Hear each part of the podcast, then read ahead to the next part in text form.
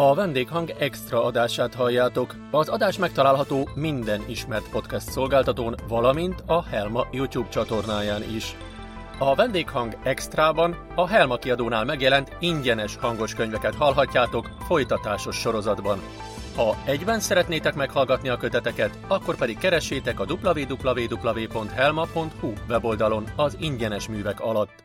Mindenkinek jó szórakozást kívánunk!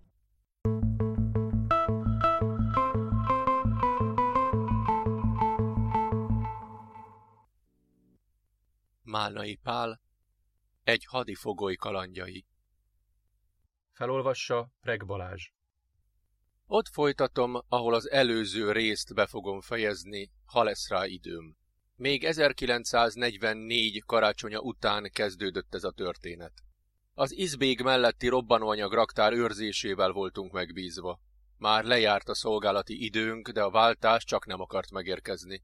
Felhívtam tehát a Szentendrei laktanyát, hogy miért késnek. Legnagyobb meglepetésemre Ktotám! Ki van ott? szavakat hallottam a telefonban. Ebből tudtuk meg, hogy a laktanyában már oroszok vannak. Először óvatosan lementünk Izbégre, de ott már meg is láttuk az oroszokat. Visszalopakodva összedugtuk a fejünket, hogy most mi tévők legyünk. Javaslatomra úgy döntöttünk, hogy felmegyünk a kőhegyen lévő meredékházba. Ez jó ötletnek bizonyult, mert a gondnok úr néhány civil ruhát is tudott adni nekünk. Én ugyancsak egy vékony munkaruhát kaptam, de ez is eltakarta a katonaruhát. Másnap reggel a fagyos földbe becsomagolva elástam a köpenyemet, és egy sziklarepedésbe eldugtam a puskámat is. Mivel a többiek a maradás mellett döntöttek, én fogtam a katonaládámat, és elindultam a pomász felé. Sajnos a nagy ködben eltévedtem, és csak annyit tudtam, hogy a meredek lejtőn lefelé kell mennem. Hosszú idő után egy kerítéshez értem, bemenve a kapun egy épületet találtam, amiről kiderült, hogy a temető hullaházához értem, ahol az egyik sírásóval tudtam szót váltani. Ő mondta, hogy a faluban már bent vannak az oroszok. Tovább indulva oroszokkal futottam össze, akik bevittek egy házba, ahol egy magyarul beszélő orosz tiszt fogadott. Azt mondtam neki, hogy Szentendrei papírgyárban dolgoztam, és most hazaindultam Budapestre. Ő szerinte ők hamarabb fognak Pestre érni, mint én. Ezután elengedett, de az ajtóból még visszahívott. Elővett a pénztárcájából egy biztosítótűt azzal, hogy tűzzem össze a galléromat, mert kilátszik a katonaruha. Miután elengedtek, elindultam az országúton a kevélyek felé. Útközben az úttesten messziről vérnek látszó foltokat láttam, de közelebb menve kiderült, hogy eldobált nyilaskeresztes karszalagok hevertek a földön. Először a Mackó barlang felé indultam, de rájöttem, hogy jobb lesz, ha a nagy kevélyen keresztül Csillaghegy felé indulok. Már sötét volt, mikor a Rókahegy oldalában lévő nyomoskúthoz értem. Éppen csak inni kezdtem, mikor két román katona termet mellettem. Megmotoztak, és az egyik kitapogatta, hogy csizma van a lábamon. Azt nem látta, hogy lyukas volt a talpa, levette a csizmát, és az ő bakancsát adta nekem cserébe. Nekem ez egy kicsit kicsi volt, de a puskák ellen hiába tiltakoztam volna. Ezután a ládámat is megnézték, de nem találtak benne kedvükre valót. Innen már hamar leértem római fürdőre, ahol egy volt kolléganőm lakott. Megengedték, hogy náluk maradjak, míg tisztázódik a helyzet. Én az emeleti szobában aludtam, de ők inkább a pincét választották a már hallatszó lövöldözés miatt. Ott tartózkodtak a szomszéd házakban lakók is, mert nekik nem volt pincéjük. Másnap reggel azzal kezdtem a napot, hogy elástam a katonaruhát, nehogy akár nekem, akár a háziaknak kellemetlenségük származzon miatta. Előbb azonban a bronz tűzkeresztet a mocsarasba hajítottam. A téli pertli becenevű téli szalagot egyelőre a zsebembe tettem egy hamis német eltávozási engedéllyel együtt, de később sajnos megfeledkeztem róluk. Este én is lementem a pincébe. Marika, kolléganőm huga lefeküdt, és hogy a beszélgetés ne zavarja, fülére húzta a dunyhát, én pedig az ágy szélére ültem. Nem sokára két géppisztolyos orosz jött be, és kiválasztották maguknak a szomszéd kertész lányát. Fegyvert szegezve rájuk elvitték őt a vőlegényével együtt. Mint később kiderült, a meleg házukban megerőszakolták. Ha a Marika nem aludt volna, őt is elvitték volna, és valószínűleg engem is. Reggel korán elmentem a hév megálló felé, ahol egy odvas fába dugtam, még karácsony előtt, két kézigránátot. Magamhoz vettem őket, és visszaindultam. Útközben végig sikításokat hallottam Csillaghegy felől. Visszaérve bedugtam a gránátokat a szalmazsákomba, de nem szóltam róla a háziaknak, nehogy megijesszem őket. Évek múlva tudtam meg, hogy hosszú ideig rajta aludtak, és nagyon megrémültek, mikor rájuk leltek. Amikor a lányok megtudták, hogy én Pestre akarok menni, csatlakozni akartak hozzám, remélve, hogy ott nagyobb biztonságban lesznek. A kertészlány vőlegénye is velünk akart jönni.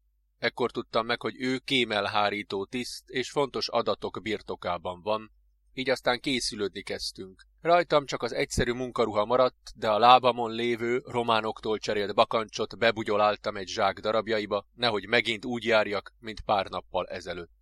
Némi útravalót vettünk magunkhoz, és elindultunk. Először a hév vonalán gyalogoltunk, Óbuda felé tartottunk. A Köles utcától a Vihar utca és a Vörösvári út kereszteződéséig zavartalanul haladtunk. A Sojmár utca sarkán azonban egy német katona holtestére bukkantunk. Tovább már óvatosabban mentünk, de váratlanul két tűz közé kerültünk. A másik fiú lábát találat érte. Behúztuk a szomszédház kapuja alá. A háziak nem mertek bejjebb engedni minket, de kérésemre elmondták, hogy a harmadik házban lakik egy orvos. Az utcára veszélyes lett volna kimenni, így aztán a kerítéseket átugrálva jutottam el a harmadik házhoz. Az épület falán lévő réseken német katonák céloztak rám. Integetve közeledtem feléjük, és próbáltam megértetni velük, hogy egy spion officer megsebesült. Azt mondták, hogy a házat megkerülve menjek be. Ott van egy főhadnagy, akinek elmondhatom, amit akarok. Elindultam tehát a ház sarka felé, de ott már oroszok vártak, akik látták, hogy én a németekkel beszélek. Először megmotoztak. A zsebemben megtalálták a téli szalagot. Ez bizonyította, hogy voltam a fronton. Ezután kezükbe került a hamis eltávozási engedély a horogkeresztes bélyegzővel, amit szintén elfelejtettem kidobni. Végül a zsákot vették le a lábamról, és meglátták az új szovjet bakancsot is. Bevittek egy konyhába. Itt leültettek egy hokedlira, hozzákötötték a lábamat, hátra kötötték a kezemet, és bekötötték a szememet is. Éreztem, hogy egy hideg vas a tarkomhoz ér. Ekkor valaki bejött a konyhába, és kiabálni kezdett. A kiabálásból csak a Csivillo kapitány szavakat értettem, ezután ajtócsapást hallottam, levették a kötést a szememről, és a többi köteléket is leszették rólam. A kiabálós ember már nem volt a helyiségben. Kimenve az udvarra egy idősebb katona a kapuhoz kísért. Ott rámutatott a Sojmár utca túloldalán lévő kapura és intett, hogy menjek át. Elindultam, de két oldalról is lőttek rám, a másik oldalról visszanézve kísérőm kérdezte, hogy vannak-e ott oroszok. Nemleges válaszomra visszahívott, és a másik kapu felé küldött. Ezt még egy párszor megismételte. Azt hittem, hogy addig fog küldözgetni, míg egy lövedék el nem talál. Már a negyedik kapunál tartottam, mikor intett, hogy bújjak a kapu behajtott szárnya mögé. Arra gondoltam, hogy az ajtószárnyon keresztül akar lelőni, ezért behúzottam a sarokba. Ott találtam egy szódás üveget. Felvettem és vártam, hogy lőjön. De nem lőtt, hanem beugrott a kapun. Gyorsan letettem az üveget, és ártatlan képpel néztem rá. Ketten indultunk tovább, orosz katonákat keresni. Hol a kísérőm ment elől, hol én. Az egyik kerítés átugrásánál őrzőm elejtett egy kukorica gránátot, én felkaptam, és már húztam volna ki a biztosítékot, mikor észrevettem, hogy messzebbről orosz katonák néznek felénk. Megböktem hát katonám vállát, és mutattam neki a gránátot. Nagyon megijed, de meg is könnyebbült, hogy nem használtam ki az alkalmat. Persze ő nem vette észre az oroszokat, én meg nem szóltam róluk neki, ettől kezdve egészen megváltozott velem szemben, most már megbízott bennem. Tovább menve, több házba is benéztünk oroszokat keresve. Volt, ahol karácsonyi maradék nyalánkságokkal kínáltak, de kísérőm nem mert enni, nekem viszont megengedte, hogy elfogadjam, amit kínáltak. Végre megtaláltuk a nevezetes Csivillo kapitányt. Most azonban az idős katona minden jót mondott rólam, és a motozásnál sem találtak nálam semmi gyanúsat. Így a kapitány is megbízott bennem. Felvette a közelben heverő, halott német katona puskáját, és kiürítve a kezembe nyomta.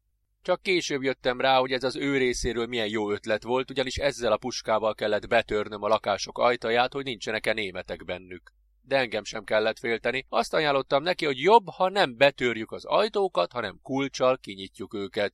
Így azután ettől kezdve én először lementem a pincékbe, és felszólítottam a légó parancsnokokat, hogy a lakók kulcsaival nyissa ki az ajtókat. Ezért ott a környéken azt hitték, hogy én az oroszokhoz tartozom. Valószínű, hogy ha most emlékszik vissza valaki arra az időre, akkor most is így gondolja. A Zápor utca és a Föld utca sarkára érve pihenőt rendeltek a katonáknak. A földszinten egy kis szobában Csivilló kapitány lefeküdt egy rózsaszínű ágyra, engem meg megbízott, hogy tisztítsam ki a csizmáját. A többi katona közben szerzett egy mosófazekat, telerakták szalonnával, meg krumplival, és rengeteg tojást ütöttek rá. Én végezve a csizmapucolással lementem hozzájuk az ételt kavargatni. Már csak nem készen volt az étel, mikor riasztották a katonákat. Csivilló kapitány lekiabált a pinceablakon, hogy az ott hagyott étel az enyém, és ezzel eltűntek. A háziaknak csak most tudtam elmondani a történetemet. Megegyeztem velük, hogy az ott hagyott ételt együtt fogyasztjuk el, aztán ők fognak engem eltartani. Mindez új év napján történt. Éjjel én is az óvóhelyen aludtam, másnap reggel kiosztottunk egy-egy adakot a mosófazékban lévő ételből reggelire. Alig fejeztük be az evést, újabb oroszok jöttek be a házba, és az összes férfit kiterelték az utcára. Én próbáltam Csivilló kapitányra hivatkozni, de nem hallgattak rám. Azt mondták, hogy két órányi kicsi rabatra visznek bennünket. Egy hölgy akart nekem egy téli kabátot adni, de nem fogadtam el mondván, hogy két órát így is kibírok. Kis csoportunk egy részével engem is ágyúk húzogatásával bíztak meg. A közeli Kiscelli kastély irányába lövöldöztek. Ennek nyomait még ma is őrzik a kastély falai. A két óra elteltével, amit őrünk többször is ellenőrzött a karján lévő több karórával, visszavittek minket a házunkhoz közeli pékségbe. Itt komoly motozásba kezdtek. Volt, akitől komoly értékeket vettek el, de nálam csak egy zsebkést és egy töltőtollat találtak. Viszont a kérektelen tenyeremről megállapították, hogy burzsúj vagyok. Közben máshonnan is gyűjtöttek össze férfiakat, és átvittek bennünket a mostani egészségház helyén álló épület udvarába. Újabb motozás után leküldtek minket a pincébe, és ránk zárták az ajtót. Reggelre különböző helyekről összegyűlt nagyobb csoport várt bennünket a Bécsi út sarkán. Velük indultunk tovább, és meg sem álltak velünk az óbudai temetőig. Mindnyáján nagyon meg voltunk rémülve, hogy ki fognak végezni bennünket. Először a bejáratnál lévő kis templomba kellett bemennünk, ahol nagyon hideg volt, de mi főként azzal törődtünk, hogy mi lesz velünk. Már sötétedett, mikor átvittek minket a Bécsi út túloldalán levő vendéglő boros pincéjébe. Itt ugyan jóval melegebb volt, de a kifolyt bor gőze terjengett a levegőben, főként mikor a tömeg kezdte elfogyasztani a levegőt. Többen el is ájultak, én is csak azért voltam jobban, mert egy óriás hordó tetején kaptam helyet, ahol lassabban fogyott el az oxigén. Igaz, hogy itt meg a hőség volt nagyobb. Valahogyan azért reggel lett, és kiengedtek bennünket a hideg, szabad levegőre. Innen aztán a Bécsi úton mentünk tovább, a vasúti kereszteződés után legnagyobb meglepetésünkre a környék női vártak bennünket. Köztük volt a Marika és a kertész lánya is. Nem engedték ugyan a közelünkbe őket, kiabálva mégis pár szót válthattunk velük, de nem sikerült megtudnom, hogy honnan értesültek arról meg, hogy arra fognak terelni bennünket. Innen tovább kísértek minket Pilisvörösvár irányába, voltak köztünk olyanok, akik nemrég ezen az úton még nyilasok kíséretével haladtak. Még megdöbbentőbb volt számomra, mikor rájöttem, hogy egy nő is van közöttünk, aki nem akart elválni a férjétől. Vörösvár előtt jöttek rá kísérőink, hogy rossz felé megyünk. Visszafordultunk hát, és bekanyarodtunk Solymárra. Itt kinéztek egy nagy, padlásterű házat, és ide szállásoltak be minket éjszakára. A létrát is elvették, így nem volt gondjuk az őrzésünkre sem. Éjjel ugyan leesett valaki, de reggel sem derült ki, hogy mi történt vele.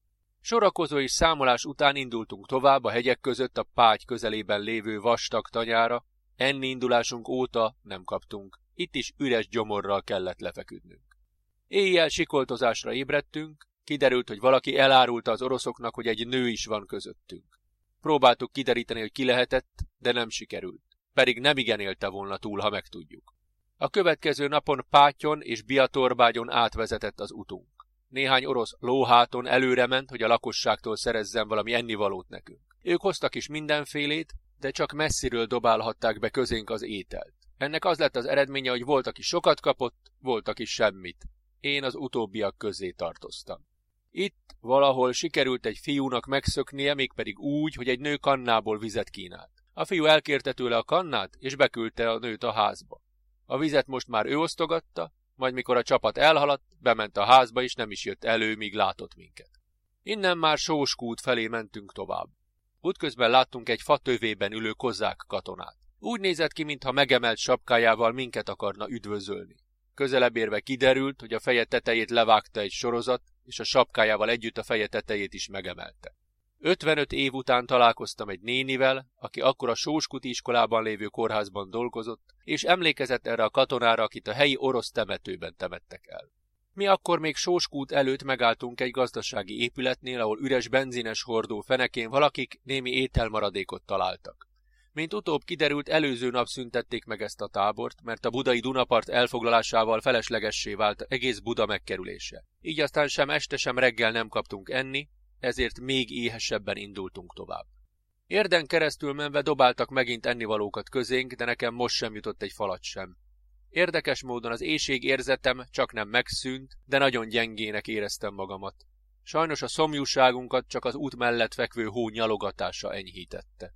Délután érkeztünk egy tanyára, ahol a legnagyobb meglepetésünkre meleg étellel vártak bennünket. Ezt először azoknak osztották, akik valamilyen edénnyel rendelkeztek. Végre sikerült egy rozsdás konzervdobozt szereznem. A leves ugyan elég híg volt, de nagyon jól esett. Ráadásul egy megmentett százpengősömért tudtam egy darab szalonnát vennem. Ennek nagy részét rögtön befaltam, és tele gyomorral lefeküdtem aludni. Az sem zavart, hogy éjjel nem mehettem volna ki, mert olyan mélyen aludtam, hogy azt sem vettem észre, hogy a fejem alól ellopták a maradék szalonnámat. Szerencsére nem sokat hagytam belőle. Reggel megint kaptunk valamit enni, és indultunk tovább. Délután Ercsi közelében megint egy tanyán telepettünk le. Itt valaki megszemlélt bennünket, és észrevette nem kimondottan téli öltözékemet. Kaptam egy rendőrtiszti körgallért, amiben dolgozni nehéz volt, de jól be lehetett takarózni vele. Folytatása egy hét múlva következik. A vendéghang extra adását hallottátok. Ne felejtsétek el pénteken a vendéghang beszélgetős vagy ajánló műsorát sem. Várunk titeket jövő héten kedden az extrában. Amennyiben más hangos könyveket is szeretnétek hallgatni, akkor pedig böngészétek a www.helma.hu weboldal tartalmát. Biztosak vagyunk benne, hogy mindenki talál magának megfelelő hangos könyvet. A vendéghang extra adását a Helma kiadó támogatja. Búcsúzik tőletek a szerkesztő, Preg Balázs.